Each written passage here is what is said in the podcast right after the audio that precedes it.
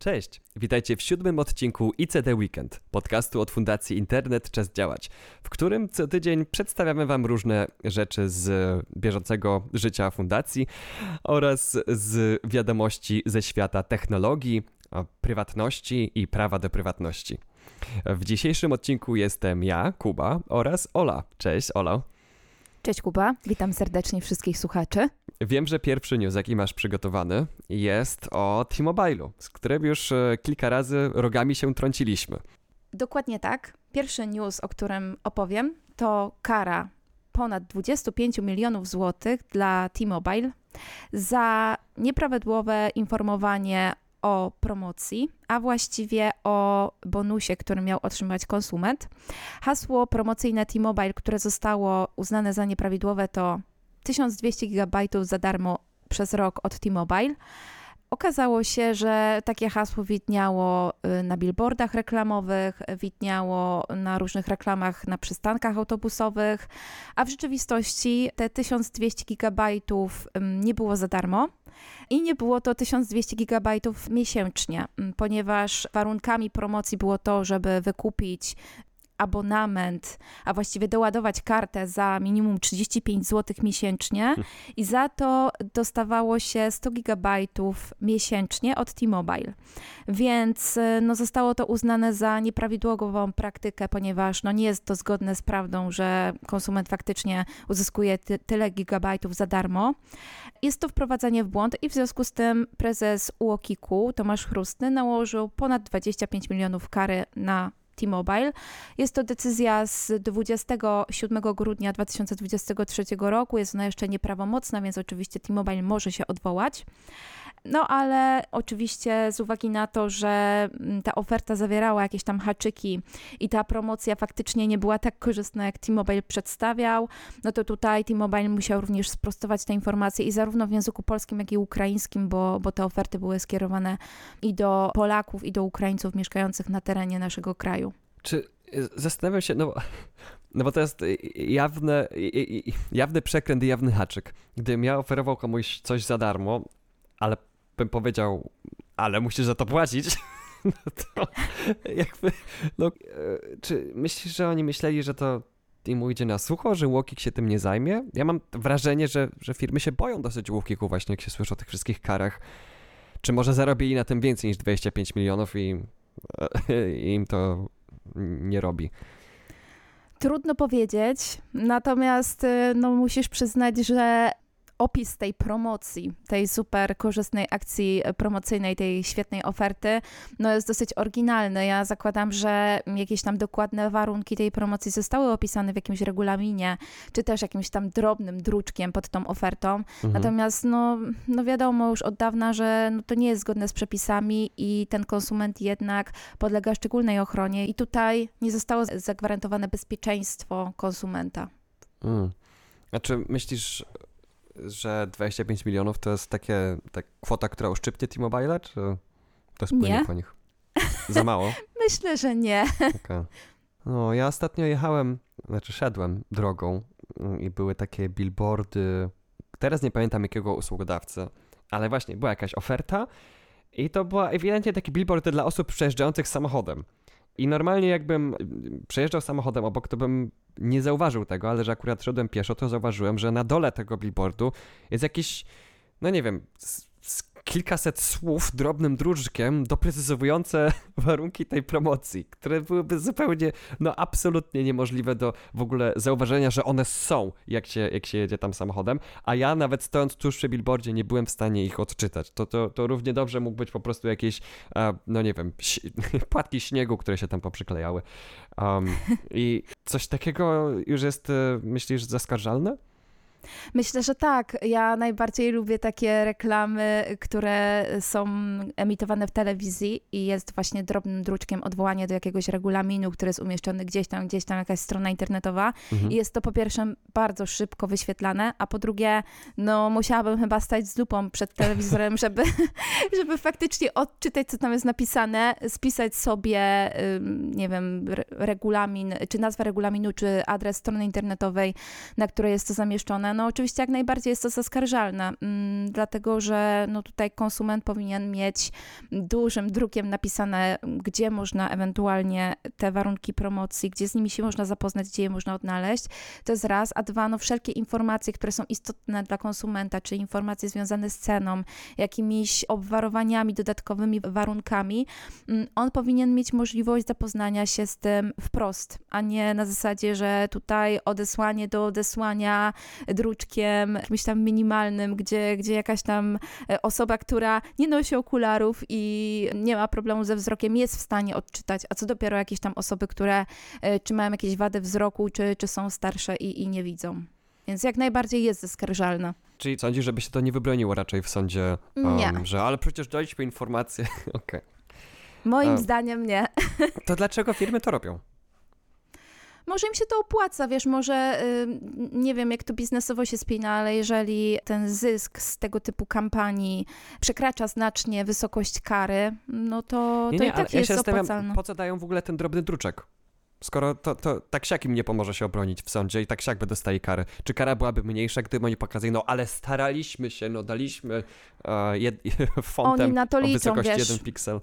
Weź pod uwagę to, że gdyby w ogóle żadnego druczku nie było, to w ogóle nie byłoby żadnych argumentów, a tak przynajmniej mogą powiedzieć, że no ale tutaj próbowaliśmy, daliśmy, no gdzieś tam próbowaliśmy zabezpieczyć te interesy konsumenta. Gdyby nie było niczego, Mhm. no to, to już w ogóle Okej. pies pogrzebany. Czyli tam można dać takie po prostu drobnym druczkiem lorem, ipsum, coś tam, coś tam, jakiś bełkot.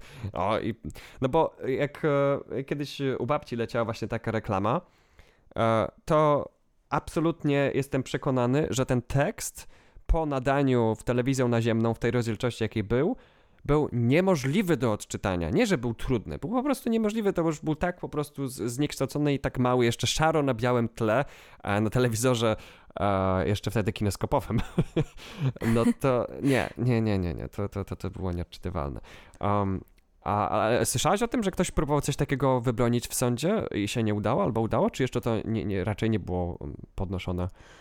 Myślę, że są takie, wiesz, jeżeli są jakieś skargi konsumenckie, yy, no to wtedy wiąże się to zwykle z rozpoznaniem przez urząd i, i nałożeniem kary, natomiast no to właściwie można by było skarżyć bardzo, nie chcę powiedzieć, że wszystkie praktyki, ale naprawdę wiele, bo no to nie tylko jest kwestia jakichś tam reklam i prezentowania tych informacji w reklamie czy na banerach, ale też w umowach, no ile razy zdarza się, że podpisujemy umowę, jakieś tam istotne informacje są drobnym drukiem pod umową, albo się w ogóle nie da tego odczytać, albo Mhm. Mamy jakieś tam standardowe warunki umowy i pod spodem mamy jakieś wyłączenia.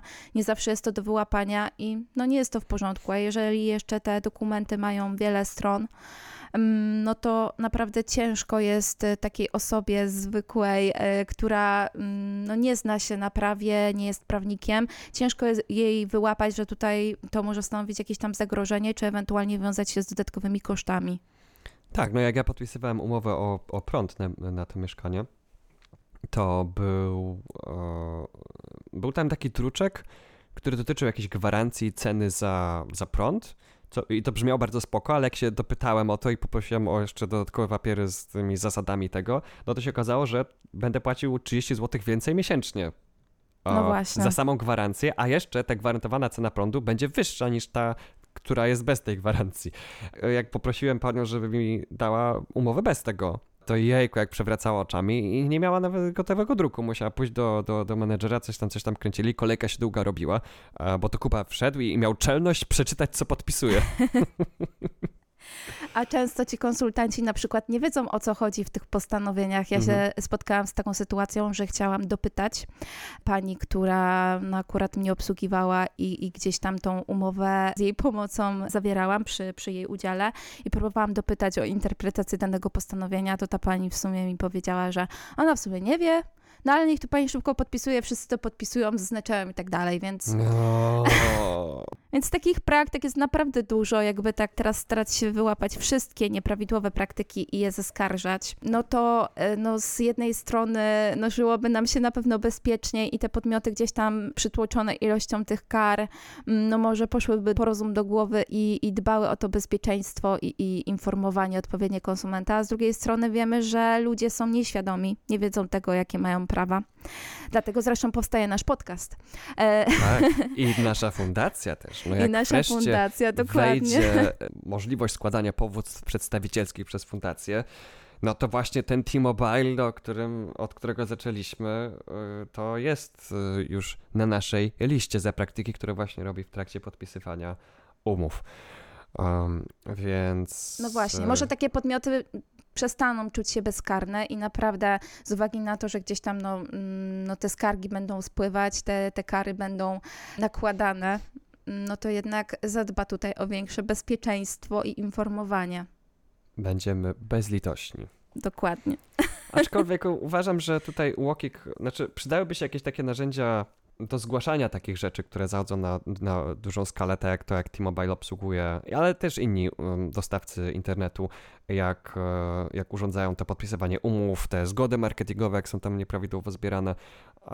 No ale możemy napisać do urzędu i to urząd podejmie wtedy decyzję, czy on coś z tym zrobi, czy nie. Ewentualnie możemy zrobić skargę w naszej indywidualnej sprawie, ale właśnie e, jak wejdą powództwa przedstawicielskie, to to się będzie mogło zmienić i jako fundacja będziemy mogli e, działać no, w takim zakresie bardziej um, obrony ogółu konsumentów, a nie konkretnej jednej osoby fizycznej. To zabrzmiało prawie jak reklama.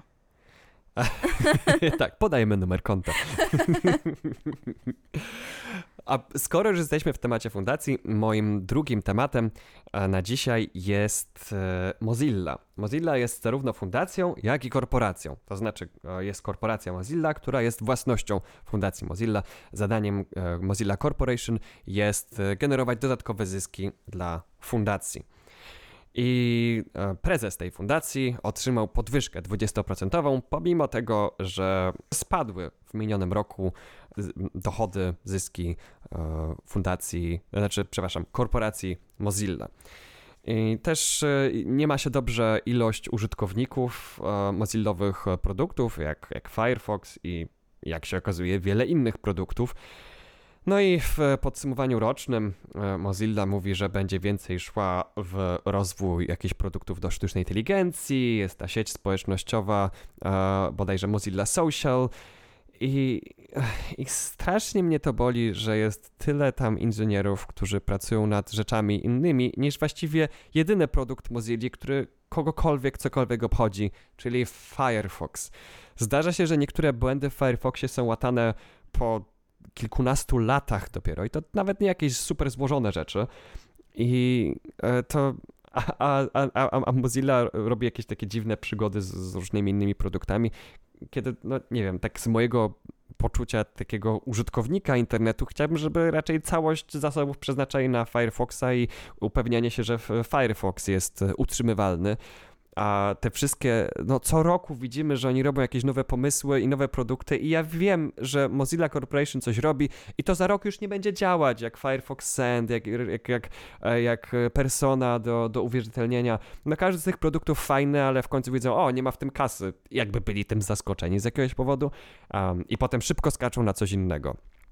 Więc, e, więc troszeczkę no, dziwny ruch, że ten prezes dostaje jeszcze, jeszcze podwyżkę i to są jakieś takie kwoty um, rzędu 6 milionów dolarów, e, jego wynagrodzenie roczne z tego co wiem, e, więc to, to, to nie mówimy o małych pieniądzach. No cóż, nie wiem, uważam, że, że, że Mozilla troszeczkę w moim odczuciu tak zbłądziła, nie wiem, ten, ten kierunek jakoś mi się tak średnio podoba. Zdecydowanie z Firefoxem można byłoby zdziałać więcej. W sensie, no, Firefox jest dla mnie najlepszą przeglądarką z tych, z tych takich czołowych. Nie próbowałem tych bardziej egzotycznych, no ale chociażby jedyn, jedną zaletą jest to, że to nie jest po prostu Chromium ze zmienioną ikoną i dodanymi jakimiś własnościowymi funkcjami.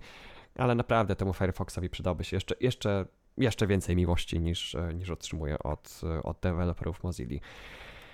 E, to taki rant z mojej strony bardziej, um, że, że mogłoby być lepiej. No ale to nie jest moja korporacja, e, nie, nie, nie jestem jej prezesem. A szkoda.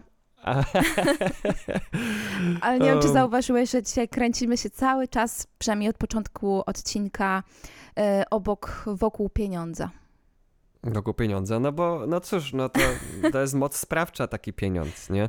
Jak widać, no T-Mobile jakby dostał większą karę, to może by potem prawa konsumentów mocniej respektował, więc e, no tego pieniądza niestety e, uniknąć e, nie damy radę. Ponownie na naszej stronie możecie znaleźć numer konta, gdzie można nas wspierać. Nie ma niczego drobnym drukiem. Nie ma, nie ma, nie ma niczego drobnym drukiem. Teraz y, mam taki blok wiadomości z, z tematyki AI, sztucznej inteligencji. Pierwsza to jest ciekawostka od Google DeepMind, który zajmował się sprawdzaniem tego, jak takie drobne, niewidoczne dla ludzkiego oka zmiany w zdjęciu są w stanie zmienić jego klasyfikację w widzeniu maszynowym. I już tłumaczę o co chodzi. Gdy widzenie maszynowe klasyfikuje jakiś obraz, czyli dostaje jakiś, jakiegoś odpega i mówi, ja tu widzę kota, no to on to robi z jakimś tam, z jakąś tam pewnością, czyli mówi, ja tam mam 80% pewności, że widzę tutaj kota ale są takie drobne zmiany, no bo każdy piksel to jest po prostu jakaś liczba, a właściwie to trzy liczby dla czerwonego, zielonego i niebieskiego. I okazuje się, że są takie drobniutkie zmiany, które na powierzchni całego zdjęcia tu i ówdzie można powprowadzać. Czasem większe zmiany, tutaj troszeczkę mniejsze, które sprawią, że mm, ten algorytm nie zobaczy tam kota, tylko zobaczy tam brokuła. Mimo, że to dla ludzkiego oka wygląda zupełnie nierozróżnialnie, to, to, to, są po prostu nie, nie, niemożliwe do, e, do zauważenia drobne zmiany, no ale przez tę sieć neuronową, która klasyfikuje te obrazy, jakoś to się e, kumulują te, e, te drobne zmiany, tak że klasyfikacja się zmienia. Co ciekawe, pomimo, że te zmiany są niedostrzegalne dla ludzi, to Google zrobiło taki eksperyment i pokazało dwie wersje jednego zdjęcia. Powiedzmy, że to było zdjęcie samochodu. I jedno to było zdjęcie zmienione tak, że sieć e, neuronowa klasyfikowała jego jako brokuła, tego, ten samochód, no właśnie tak, taki był tutaj atak zrobiony na tę sieć e, w tym zdjęciu, a drugie było zrobione tak, że wyglądał bardziej jak kot. Czyli było zdjęcie samochodu, zrobiono jego dwie wersje, tak zmienione złośliwie, że jedna była widoczna jako brokuł, a druga jako kod dla widzenia maszynowego, ale człowiek nadal widział to zdjęcie i mówił, nie, no to oczywiście, że jest samochód. Więc tutaj atak się nie udał. Ale kiedy pokazano właśnie te dwa zdjęcia, nie pokazano oryginalnego, tylko pokazano ludziom te dwa zdjęcia i się spytano, które z nich jest bardziej jak kot, to ludzie częściej wybierali to zdjęcie, które było zmienione tak, że, masz, że widzenie maszynowe klasyfikowało jako kota. I nie byli w stanie powiedzieć dlaczego, ale no, jeżeli faktycznie zmiany byłyby niewidoczne albo bez wpływu dla, dla naszej percepcji, no to raczej byśmy się spodziewali, że byłoby tak 50-50. Część mówi, że ten prawy, że to prawy obrazek jest bardziej jak kłada, część, że lewy. No musieli wybrać jeden, no to wybrali sobie jakiś losowy. A, a właśnie ten zmodyfikowany podwidzenie maszynowe e, jednak był ich w stanie także oszukać w pewien sposób.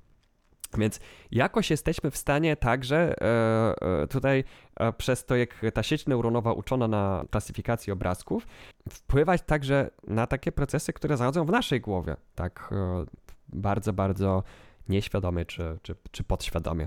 Teraz już I... wiem, co ma kot wspólnego z brokułem. Samochód. um, nie wiem, jak, jak, jak, jakie masz odczucia, Ola, jak, jak, jak, jak słuchasz o czymś takim? Y, dziwne, ale ja zaskoczyłeś mnie, chociaż z jednej strony mnie zaskoczyłeś, a z drugiej nie bo zdawałam sobie z tego sprawę, że no, gdzieś te mechanizmy halucynują. Też słyszałam o takim przypadku, co prawda, no już nie takim abstrakcyjnym, ym, związanym z tym, że gdzieś tam te mechanizmy, widząc zdjęcia wilka, analizując zdjęcia wilka, który stoi gdzieś tam, y, no zwykle w zimie, przy drzewach, tak, gdzieś tam na, na zimowych generalnie polanach i przy śniegu, widząc psa, który stoi w śniegu, y, zaklasyfikował to od razu jako wilka. Więc no mm. ale no to jednak broku a kot to tak totalnie abstrakcyjne. Tylko, e, tylko, tutaj mówimy o dwóch różnych rzeczach, bo to co, to, co pisałaś, to jest to, że po prostu w danych uczonych czegoś zabrakło. Nie? I jakby na przykład w danych uczonych było więcej zdjęć wilków i psów na śniegu, odpowiednio sklasyfikowanych, to algorytm by sobie raczej z tym poradził. Okay. Tylko tutaj mówiliśmy o czymś takim, że już jest nauczony model na milionach zdjęć na przykład i on prawidłowo klasyfikuje różne rzeczy, póki to są normalne zdjęcia. Ale ktoś złośliwy może wziąć zdjęcie i tak delikatnie pozmieniać kolory na pikselach, że w tym zdjęciu wilka na śniegu nie powie to jest wilk na śniegu, tylko powie Broku. to jest e, no, broku. No właśnie tak. Um, Dla mnie to totalna abstrakcja, powiem szczerze. Nawet nie potrafię sobie tego jakby tak intelektualnie przełożyć. To, to, to, to spróbuję ci to wytłumaczyć. E, uczenie maszynowe działa tak, że masz po prostu taką stertę, no, stertę algebry liniowej, można powiedzieć, stertę algebry. Em, I masz tam różne em, przekształcenia. I po prostu masz tę stertę, bierzesz łopatę i mieszasz coś tam tą łopatą i następnie bierzesz obrazek samochodu, przyciskasz przez tę stertę i sprawdzasz, czy pod spodem e, wylewa się z tego napis samochód. Jeżeli to nie działa, no to bierzesz łopatę i mieszasz znowu. I znowu, i znowu, i znowu.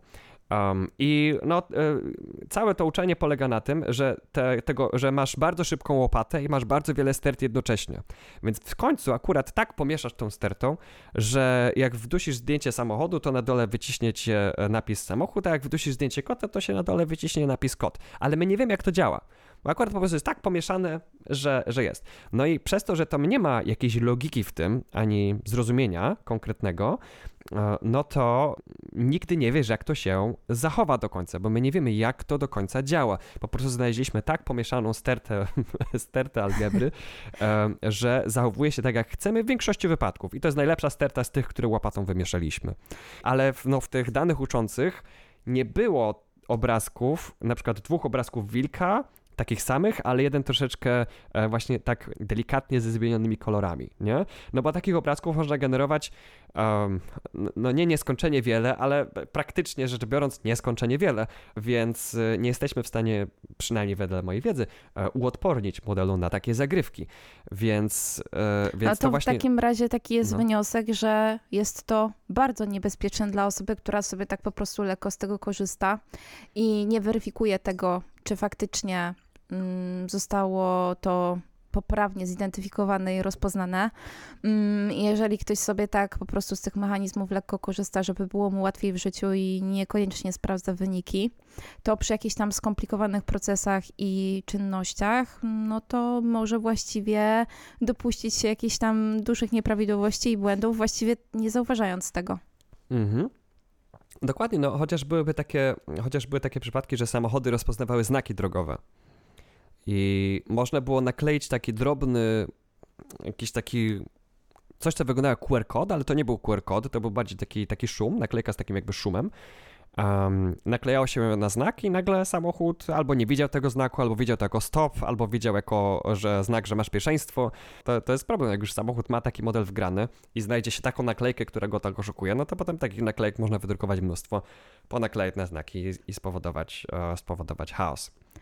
Z dalszych tematów e, sztuczno-inteligencjowych mamy wiadomości z Japonii.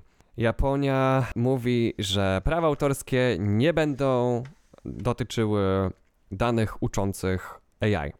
Żeby nadgonić tempo rozwoju AI w Japonii względem innych krajów, Japonia mówi, że trenujcie na czym chcecie, tutaj prawa autorskie nie dotyczy i możecie sobie trenować modele na ewidentnie chronionych prawem autorskim dziełach. Co jest niepokojącym trendem, ale e, chyba nas ten trend e, nie spotka w Europie. Miejmy Co, nadzieję. Ja jestem przeciwna. A jak, jak to póki co wygląda? E, No u nas, powiem tak, jest to kontrowersyjny temat, ale jednak przeważają głosy, że no tutaj nie można tego zaliczyć jako możliwość tymczasowego zwielokrotnienia utworu, korzystania z nich właśnie w, w związku z e, tym, że jest to niezbędne do nauki. No i jednak stanowi to naruszenie słusznych interesów twórców, mm, wobec czego no takie praktyki nie są uznawane za zgodne z prawem. Przynajmniej na razie. Zobaczymy, jak to się rozwinie, ale nie sądzę, żeby rozwinęło się y, tak jak w Japonii. W tym kierunku, Mhm. co w Japonii. Tak, no, no druga strona medalu w Stanach Zjednoczonych e, New York Times pozwał OpenAI i Microsoft, e, bo no, wykazał, że z ich modelu GPT można wyciągnąć no, no właściwie słowo w słowo treść artykułów z New York Timesa, które są za paywallem w, w bardzo trywialny sposób. Nie, już nawet nie, nie polegając na jakichś wykwintnych e, trikach. Więc e, no to, to, to wygląda jak potężne naruszenie praw autorskich. Już abstrahując od tego, że te dane były używane do uczenia, no to kiedy z modelu możesz wyciągnąć te dane, no to hej, to jest transakcja opierająca się o czyjeś dzieło, a jego autor nie ma tu nic do powiedzenia. Więc e, liczę, że OpenAI-owi dostanie się za to po łapach, no bo nie wyługają się, no to, to nie było tak, jak jeżeli faktycznie e, twój model wypluwa słowo w słowo artykuł, no to on był uczony na tym artykule. To, to znaczy pewnie będą próbowali podejmować jakąś obronę, że to o, że to po prostu taka jakaś aproksymacja czy coś, ale mm, to moim zdaniem się nie, nie obroni. Zgadzam się z tobą w stu procentach. Mam taką nadzieję, że tak będzie. No, oby, oby. Wyjdę na e, surową prawniczkę. czas, e, czas tylko pokaże. No, generalnie teraz e, bardzo dużo rzeczy technologicznych rozstrzyga się w sądzie, czy przed różnymi urzędami. Właściwie bardziej niż kiedykolwiek. Kiedyś to się słyszało jakieś tam drobne konflikty interesów pomiędzy biznesem a prawem, a może nie wiem, może mniej siedziałem w tym, ale mam wrażenie, że teraz właśnie to starcie biznes i, i regulacje jest właściwie w centrum różnych dyskusji. No chociażby to, co się z Apple stało, że jest USB-C w iPhone'ie, no to, to, ja nie myślałem, że dożyję takich czasów. A tutaj proszę, jednak, e, jednak da radę. Sideloading w iPhone'ie? Jeszcze trochę i iPhone się stanie dla mnie sensownym telefonem do kupienia, co to co absolutnie nie myślałem, że to kiedykolwiek powiem. Tak tylko daje taki wyraz e, mojej radości te, temu, że mamy e, zarówno prężny dział techniczny, jak i prężny dział prawny, e, który właśnie obydwie strony tego, mm, tego starcia gigantów jest w stanie przyswoić i w pewien sposób także wywierać na niego wpływ. No właśnie, jesteśmy przygotowani, ale powiem ci, że mi się wydaje, że generalnie spory to zawsze były, tylko że po pierwsze na trochę innym polu, bo jednak w dawnych latach y, żyło się mniej cyfrowo i te spory dotyczyły no bardziej takich, nie wiem, dzieł można powiedzieć, w formie pisanej, bardziej związane były z wydawaniem pewnych utworów, y, czy w prasie, czy w telewizji. Natomiast mhm. no, teraz pojawiają się tematy cyfrowe, y, właśnie związane czy z internetem, czy już teraz powoli tak ze sztuczną inteligencją. I no, przede wszystkim mamy dostęp do tych informacji o tych sporach, tak? Bo wcześniej no, to, co się gdzieś tam działo w sądach czy w urzędach, to jednak dostęp do tych informacji był bardziej ograniczony. Urzędy czy sądy jednak mniej mm, informowały, mm, no chyba, że te sprawy były medialne, ale mm, no tak w pozostałym zakresie no to mniej. A teraz no jednak mimo wszystko zwiększa się świadomość, ludzie mają dostęp do tych informacji. To czy one są prawdziwe czy nie i prawidłowe czy nie, to już jest kwestia tego, jak, mm, jakiej selekcji dokona użytkownik i, i co uzna za prawidłowe, jaki, jak zinterpretuje dany przepis czy dany artykuł. Natomiast no tych informacji pojawia się coraz więcej, no i w ten sposób też taki użytkownik się uczy, tak? Dobywa informacje czy to jest prawidłowa praktyka, czy nie, w jaki sposób on może swoje prawa chronić. No i w sytuacji, gdy są naruszane, no to wie, że, że może jakieś tam działania podjąć. Więc jestem pozytywnie nastawiona do, do tych y, działań, które y, gdzieś tam są podejmowane, do tych aktywności, y, które no gdzieś tam te urzędy, a przynajmniej niektóre próbują wdrożyć, gdzieś tam pokazać te nieprawidłowe praktyki. No i miejmy nadzieję, że to będzie się cały czas rozwijać. Tym bardziej, że te regulacje w mojej ocenie, które są aktualnie, no to one nie do końca chronią w taki sposób, jak powinny, bo, bo jednak gdzieś tam te technologiczne tematy wciąż idą bardzo szybko do przodu, a ta mhm. regulacja nie nadąża za tym, więc no, to jest właściwie prawdziwe wyzwanie. A czasem nawet y, różne kraje nie nadążają za wdrażaniem regulacji, które powinny, tak jak Polska na przykład z wdrażaniem DSA, prawda? Tak, dokładnie. Widzę, że tutaj zmierzasz do kolejnego mojego tematu mm. na, na liście, a mianowicie o koordynatorze do spraw usług cyfrowych, ponieważ no, powinien to być, y, a właściwie będzie nowy regulator internetu w Polsce w związku z aktem o usługach cyfrowych. I do 17 lutego mm, już tego roku, bieżącego, Polska powinna takiego koordynatora do spraw usług cyfrowych wyznaczyć, właśnie z uwagi na zobowiązania wynikające z aktu o usługach cyfrowych. No i niestety jeszcze tego nie zrobiła. Oczywiście są już jakieś plany y, odnośnie tego, że prawdopodobnie to prezes Urzędu Komunikacji Elektronicznej będzie tym koordynatorem wiodącym i będą mu pomagać inne urzędy, czyli prawdopodobnie być może prezes UOKiK-u czy prezes Urzędu Ochrony Danych Osobowych w jakimś tam mm, zakresie, gdzie, gdzie będzie to dotykać spraw konsumentów czy właśnie danych osobowych. Natomiast mm, no tutaj e, też wiąże się to z tym, że w przypadku, gdy taki prezes Urzędu Komunikacji Elektronicznej będzie miał więcej obowiązków e, wynikających właśnie z tych przepisów, no to będzie trzeba prawdopodobnie dokonać zmian e, czy w prawie telekomunikacyjnym, czy w ustawie o świadczeniu usług drogą elektroniczną i to na razie niestety tak w martwym punkcie jest. I tutaj jest zadanie przed ministrem cyfryzacji, żeby ten temat uregulować, zająć się tym tematem. A może tak pokrótce powiem naszym słuchaczom, bo, bo nie wiem, czy wszyscy są świadomi, czym właściwie jest ten akt o usługach cyfrowych. Dotyczy on zapewnienia bezpieczeństwa użytkownika w internecie w kontekście działania dużych platform internetowych. No i właśnie tutaj to zapewnienie bezpieczeństwa odbywa się na, ma odbywać się na dwóch płaszczyznach. To znaczy Komisja Europejska ma sprawować taki, taką kontrolę nad działaniem dużych platform internetowych, gdzie miesięcznie ponad 45 milionów użytkowników korzysta z tej platformy i tutaj tych platform jest na ten moment 22, z czego większość to są platformy amerykańskie. Natomiast w pozostałym zakresie takich pośredników, y, takich dużych platform, no to tutaj właśnie kluczową rolę w takiej kontroli odbywa, y, ma odgrywać koordynator do spraw usług cyfrowych. No i tutaj Polska z uwagi na tą regulację musi takiego koordynatora wyłonić. To w temacie regulacji jest jeszcze Cyber Resilience Act, mm, którego treść budziła pewne kontrowersje odnośnie tego, co może oznaczać dla przyszłości open source. W wcześniejszych wersjach tego aktu było napisane, że no, te ograniczenia i te wyzwania e, dotyczące zgodności z CRA, e, z tym Cyber Resilience Act, dotyczą każdego oprogramowania, które jest robione na cele komercyjne. I pytanie teraz, czy to także dotykałoby projektów open source? Bo to dotychczas to słownictwo użyte było takie niejednoznaczne. Czy na przykład, jeżeli firma jakaś duża komercyjna wypuszcza oprogramowanie open source, do którego także kontrybuują osoby spoza tej firmy, no to czy ten projekt też jest wtedy obciążony tym, tymi ograniczeniami i, a, i wyzwaniami?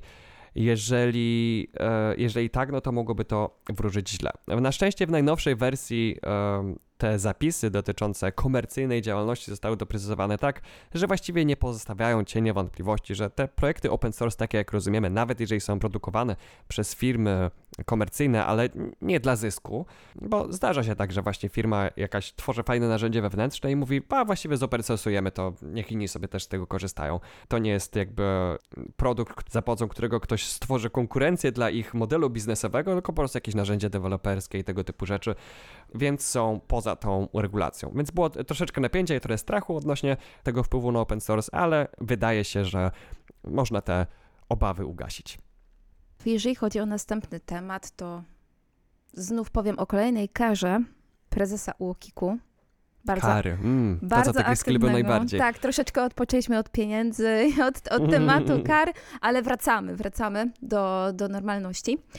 Prezes UOKiK nałożył już teraz tym, tym razem wyższą karę, bo ponad 46 milionów złotych na Kanał Plus Polska. I nakazał zwrot środków konsumentom a chodziło o to, że Kanał Plus Polska wprowadzał klientów w błąd.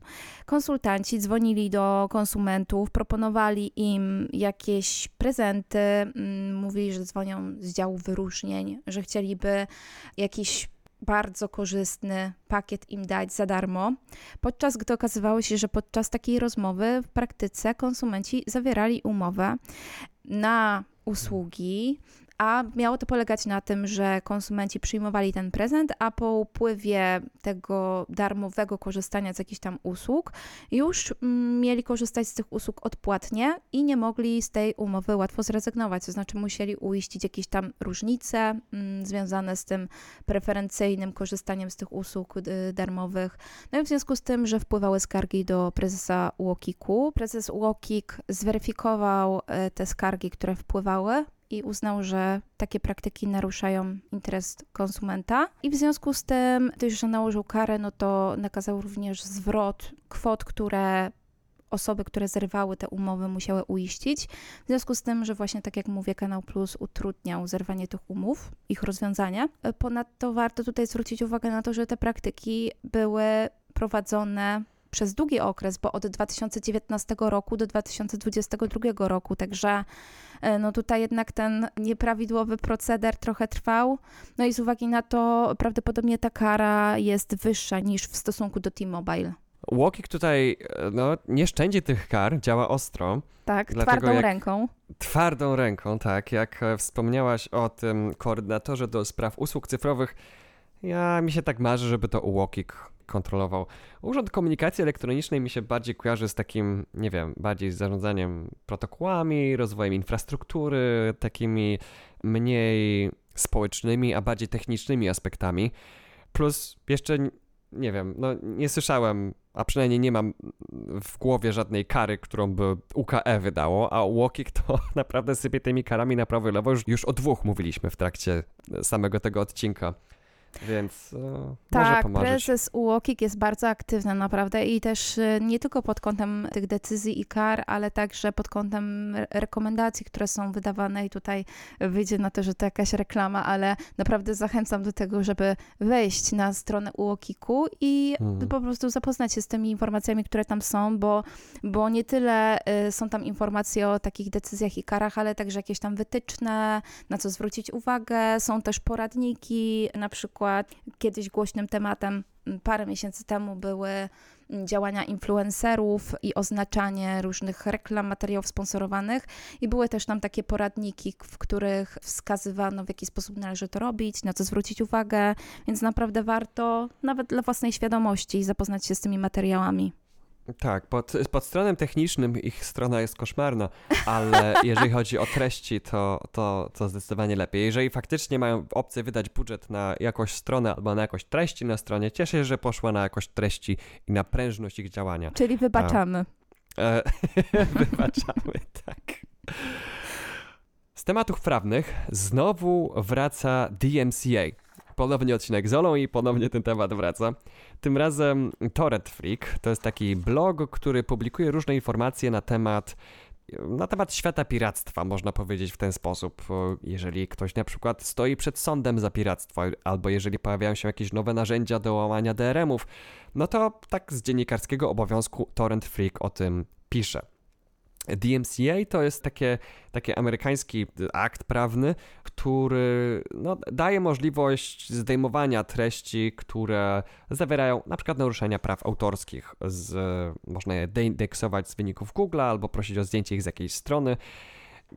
Niestety to ta regulacja DMCA jest zrobiona tak, że bardziej chroni podmioty, które są właścicielami praw autorskich, niż e, osoby, które są twórcami w internecie, którzy na przykład komentują coś dziennikarzy, e, czy tworzą jakieś dzieła pochodne na zasadzie e, dozwolonego użytku. I tutaj e, Torrent Freak, no z uwagi, że często pisze o rzeczach, które są niewygodne dla różnych firm, pada ofiarą takich tak zwanych DMCA takedowns. Problem polega na tym, że to nie jest tak, że siada jakaś osoba, myśli, oho, tutaj no, ten artykuł zawiera naruszenie naszych praw autorskich, tylko to są boty, które skanują to po jakichś słowach kluczowych i składają te wnioski o DMCA, te, o takedowny, żeby na przykład zniknęły jakieś artykuły z, z wyników wyszukiwania Google automatycznie. Torrent Freak podsumował i wszystkie z licznych DMCA takedowns, jakie były wysłane przeciwko Torrent Freakowi, były bezpodstawne. E, wiele z nich było po prostu zupełnie nie tylko bezpodstawnych, ale także bezsensownych, bo dotyczyło w ogóle zupełnie innej strony niż Torrent Freak. To jest coś, do czego Torrent Freak w ogóle nawet nie miał się jak odnieść, bo, e, bo to nie był ich artykuł. Nie, nie było takich treści na, e, na ich stronie. Więc to no, maluje taki trochę smutny obraz tego, jak, jak to prawo jest nadużywane, także w, w, no, w automatyczny sposób i nie zanosi się, żeby mm, Stany wzięły się za jakąś poprawę takiego stanu rzeczy. Ale jako plus mogę powiedzieć ze swojej strony, mhm. że jeżeli chodzi o nasze y, podwórko polskie, a przynajmniej y, to wynika z moich doświadczeń dotychczasowych, mm, no to jednak u nas w Polsce, owszem, zdarzają się boty, które gdzieś tam szukają potencjalnych, a może nawet i niepotencjalnych naruszeń i nawet formułują takie pismo wzywające y, dany podmiot, że, żeby mm, zaprzestał jakichś tam naruszeń prawa autorskiego czy, czy innych regulacji, ale u nas w Polsce jednak mam wrażenie, że bardziej świadomie, a przynajmniej takie mniejsze platformy bardziej świadomie podchodzą e, do weryfikacji takich zgłoszeń i faktycznie mhm. sprawdzają, czy, czy używanie, czy rozpowszechnianie mm, danego utworu mm, jest prawidłowe, zgodne z przepisami, czy w ogóle y, podmiot ma prawo do tego, żeby dysponować mm, danym utworem. E, no i nie, na pewno nie dzieje się to w sposób automatyczny. Natomiast prawda jest taka, że no to działanie botów i, i ta automatyzacja i ilość tych wniosków, które, że tak powiem kolokwialnie, wypluwa taki bot, no może robić wrażenie i może niepokoić. Więc jeżeli jest mały dział prawny, który weryfikuje takie pisma, a tych zgłoszeń może być sporo, no to może to nastręczać pewnych problemów. Mhm. Natomiast no ja tutaj za, zawsze będę stała na stanowisku y, takim, żeby dokładnie analizować takie zgłoszenia, bo, bo nie każde pismo wzywające do zaprzestania naruszeń i informujące w ogóle o naruszeniu jest równoznaczne z tym, że takie naruszenie występuje. Każde takie pismo należy przeanalizować, sprawdzić, zobaczyć, jaki jest stan faktyczny, E, tak jak mówię, jakie mamy uprawnienia i, i na tej podstawie zdecydować, jakie działania dalej podejmujemy. Ktoś tam gdzieś właśnie pracuje nad użyciem sztucznej inteligencji do rozstrzygania takich decyzji. Nie ucieszę się z tego. to w kontekście tego bezpieczeństwa i dbania o osobę fizyczną, to jeszcze warto wspomnieć o tym, że w aplikacji M-Obywatel pojawiła się nowa usługa zastrzeżenie numeru PESEL. O tym na pewno już słyszeliście, bo, bo ten temat gdzieś tam się pojawiał z uwagi na to, że gdzieś tam ta ilość naruszeń, wycieków danych powiększa się, ich ilość jest spora i, i gdzieś tam to budzi wątpliwości osób fizycznych. Osoby boją się, że na ich dane będą zaciągnięte kredyty czy jakieś inne zobowiązania. E, no to tutaj e, z pomocą przychodzi nam państwo i oferuje właśnie możliwość zastrzeżenia numeru PESEL. I to można zrobić zarówno już teraz w aplikacji M-Obywatel, jak i w Urzędzie Gminy. Y, I taka funkcjonalność umożliwia nam sprawdzenie, no zarówno y, zastrzeżenie tego numeru PESEL, jak i cofnięcie tego zastrzeżenia, ale i sprawdzenie, kto sprawdzał nasz numer PESEL i kto kiedy zastrzegał ten, ten numer PESEL. E, no i e, tutaj to oczywiście ma e, ma to być usługa, która, dzięki, dzięki, której do całkowitego właściwie minimum zostaną ograniczone próby wyłudzeń i oszustw, ale tak właściwie można powiedzieć, że dopiero od 1 czerwca tego roku można mu mówić o jakimś tam poziomie bezpieczeństwa, bo dopiero od tego czasu takie instytucje jak banki, notariusze, telekomy będą zobowiązane do sprawdzania, czy taki numer PESEL znajduje się w rejestrze zastrzeżeń numerów PESEL. I w przypadku, gdy takie zastrzeżenia będą, to będzie wymagana taka dodatkowa weryfikacja tożsamości tej osoby, która chce się tym PESEL-em posłużyć. I mm, czy to jest, Kubo, teraz zadam Tobie pytanie, czy to jest, Kubo, według Ciebie mm, faktyczne zabezpieczenie mm, prywatności osoby fizycznej? Czy uważasz, że to jest wystarczające i czy uważasz, że to zastrzeżenie PESEL da w pełni y, taką gwarancję y, bezpieczeństwa danych osobowych jednostki? Jakie jest Twoje zdanie na ten temat? No, taką moja pierwsza myśl jest, że Nie, no bo teraz tak, mogę zastrzec PESEL, jeżeli on na przykład, nie wiem, wyciekł. Znaczy w ogóle, mój PESEL to jest właściwie informacja publiczna, bo jest w KRS-ie. Są osoby, które jak zapominają, kiedy mam urodziny, nie mam Facebooka, no to sobie w KRS-ie sprawdzają po PESEL-u.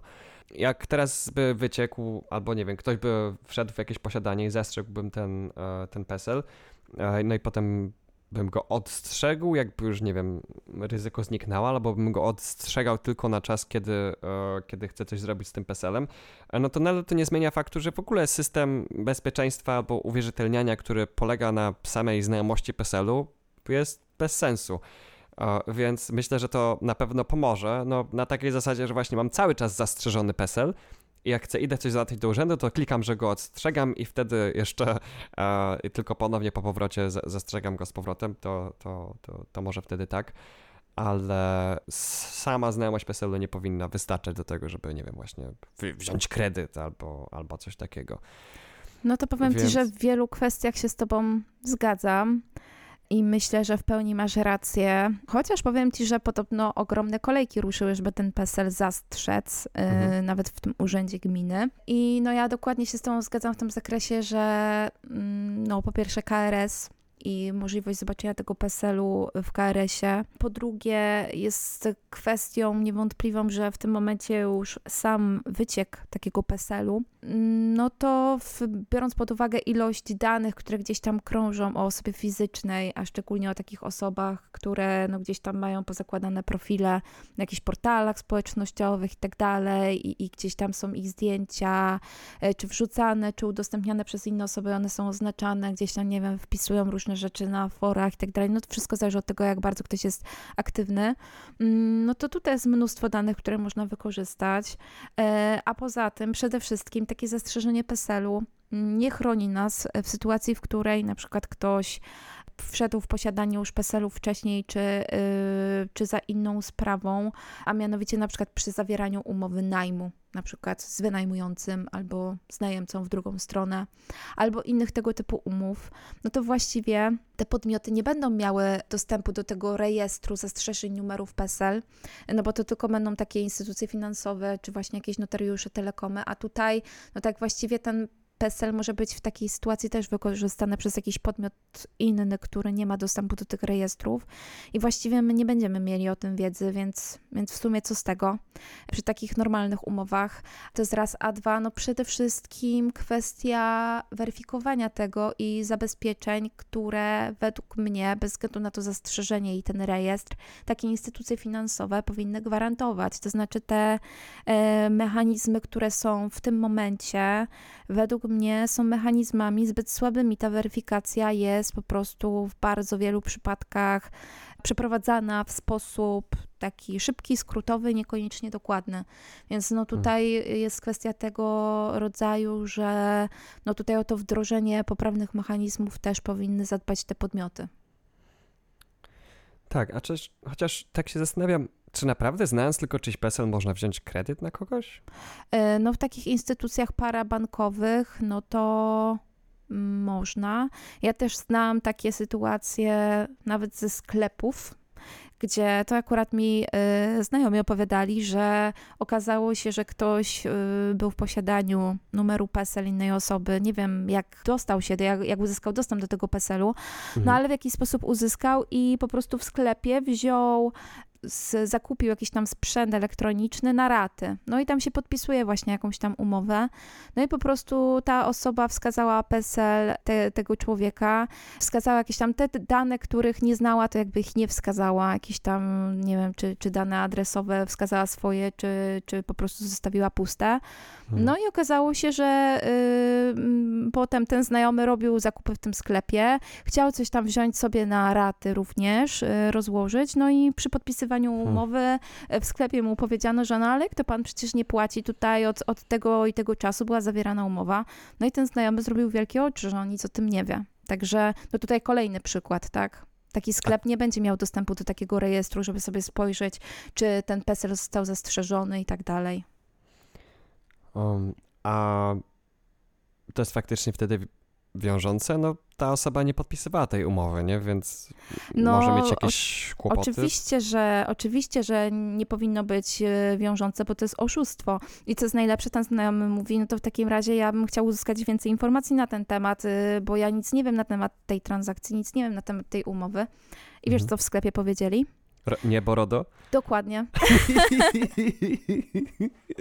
Dokładnie tak, tak było. Także nie powiem, uśmiechnęłam się, jak to, czy nie powinnam się uśmiechać, bo to w sumie nie jest śmieszne dla tej osoby. E, bo tam ostatecznie to się dobrze skończyło, trochę to trwało, zostało wy, została wyjaśniona ta sytuacja mm, i, i ta osoba gdzieś tam została pociągnięta do odpowiedzialności, została odnaleziona. Mm, mhm. aczkolwiek no, sytuacja niewesoła. Wow. A to w ogóle ciekawe. E, mamy tu informację, że już na pana dokładnie jest zakup na raty. To poproszę o informację, bo ty nie robiłem. A, to nie pan robił, no to nadal pan nie może, a my tu panych, tych pana nie damy, e, bo to są pana dane. Tak, o, ale panu. niech pan zapłaci. tak. Najważniejsze, żeby pan zapłacił, nieważne za co, bo RODO. Ojejku. Jak myślę sobie o aplikacji M-Obywatel, to zawsze moją pierwszą myślą jest taka rozpacz tego, że to jest e, ta mobilna wersja tej aplikacji jest dostępna tylko na um, Androida, na googlowski system i na iOS-a, nie włącza się na zrutowanych telefonach i generalnie jest, jest z nią dużo problemów, jeżeli chodzi o taką dostępność, interoperacyjność.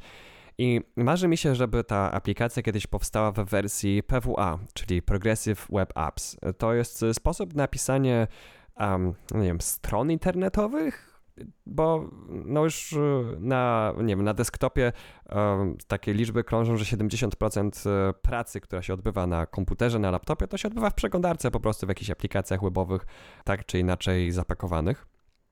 I być może taka sama przyszłość czeka także systemy mobilne, bo powoli, e, krok po kroku, kolejne przeszkody na temu, żeby taka przyszłość wreszcie zaszła, są eliminowane.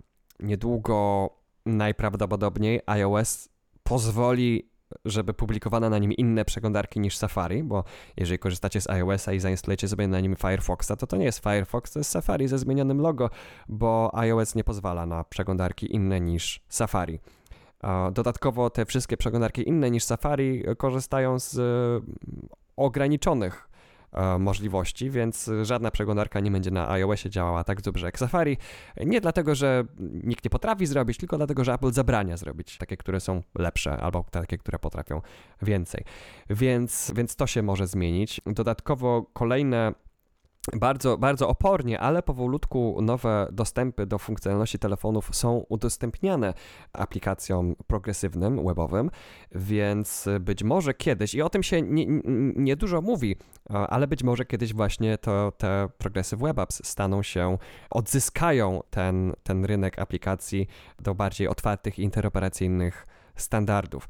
Tak samo jak web e, no, wyciągnął ludzi z takich desktopowych aplikacji, które są zamknięte na konkretny system, więc teraz jak ktoś ma Linuxa, macOSa czy, czy Windowsa, no to większość aplikacji sobie odpali, no bo to są internetowe aplikacje.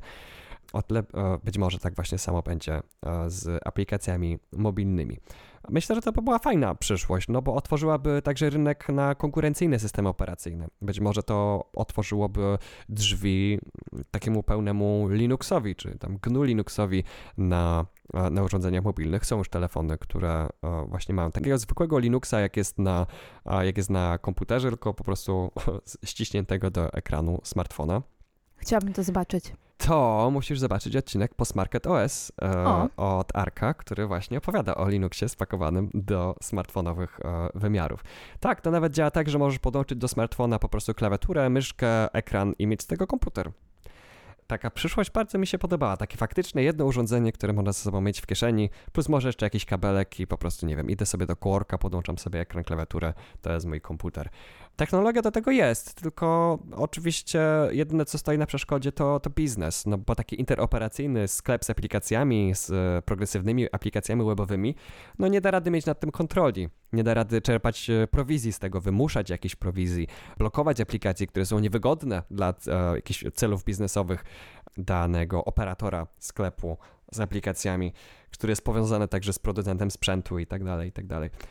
No i myślę, że z uwagi na to, że za Progressive Web Apps nie stoi żadna jedna firma, która, której postępy można obserwować na giełdzie, no to też y, niewiele dziennikarzy mówi o tym, no bo to nie jest, y, nie jest takie modne, nie jest to takie trendy, ale może to się stać nową nową rzeczywistością. Zobaczymy. Ja trzymam kciuki, żeby tak się stało. O ile aplikacje webowe zawsze będą troszeczkę mniej wydajne od takich natywnych aplikacji, jak na Androida i na iOS są, o tyle często spotykam się z tak strasznie kiepsko napisanymi natywnymi aplikacjami na Androida i na iOS, że widzę, że wiele deweloperów w ogóle nie korzysta z tego e, przyrostu wydajności, więc skoro już tak siak jest źle, to chociaż może być źle, ale przynajmniej interoperacyjnie i z większą możliwością wyboru dla, dla konsumentów. Więc tak po cichu liczę, że faktycznie taka przyszłość nastąpi. I tym dopłynęliśmy do brzegu tego odcinka. Dziękuję Ci bardzo, Olu, za udział. Dziękuję słuchaczom za wysłuchanie i słyszymy się w następny piątek w kolejnym odcinku ICD Weekend.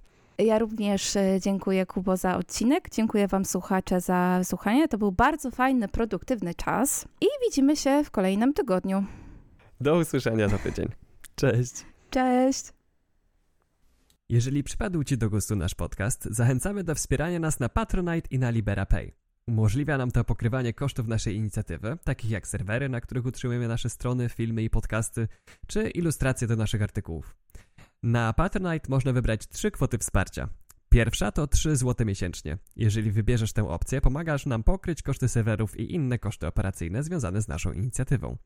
Druga to 7 zł miesięcznie. Jeżeli wybierzesz tę opcję, dostaniesz dostęp do tak zwanej grupy patronów, czyli czatu, na którym możesz rozmawiać ze mną, z Arkiem, Agnieszką, Olą, Michałem oraz z patronami Internet Czas Działać.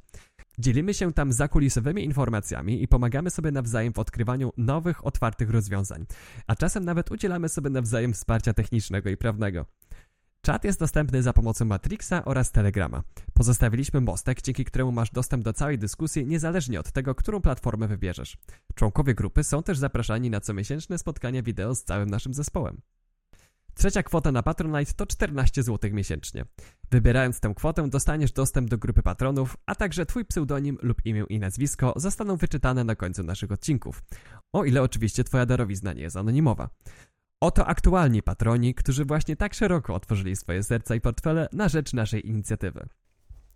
Grzegorz Cichocki, Damian Haugas, Dawid Gosławski, Gustaw Tański, Marcin Karwowski, Tomasz Chrycyna, Łukasz Nachaczewski, Łukasz Hawryłko, Mi Klo, Monika Koperkiewicz, Artur Markowski, Mateusz Jabłoński, Filip Finfando, Krzysiu Weiss i Marcin Mokrzycki. Serdecznie dziękujemy tym wyczytanym oraz wszystkim innym patronom, którzy nas wspierają w walce o lepszy internet. Te same nagrody można uzyskać patronując nam na LiberaPay, który umożliwia opcję wspierania nas całkowicie anonimowo, jak i wybrania dowolnej kwoty wsparcia. Można nas też wspierać za pomocą bezpośredniego przelewu bankowego. Zainteresowanych prosimy o kontakt mailowy. Linki do naszych profilów na Patronite i LiberaPay, jak i do naszych kont na Fediversum i innych sieciach społecznościowych możecie znaleźć w zakładce Kontakt na naszej stronie internetowej. Drobna uwaga. Wyszukiwarka Patronite jest bardzo pedantyczna i nie pokazuje nas osobom, które wpisują samo internet czas działać bez kropki po słowie internet. Najłatwiej zatem jest nas znaleźć właśnie w zakładce Kontakt na www.internetczasdziałać.pl.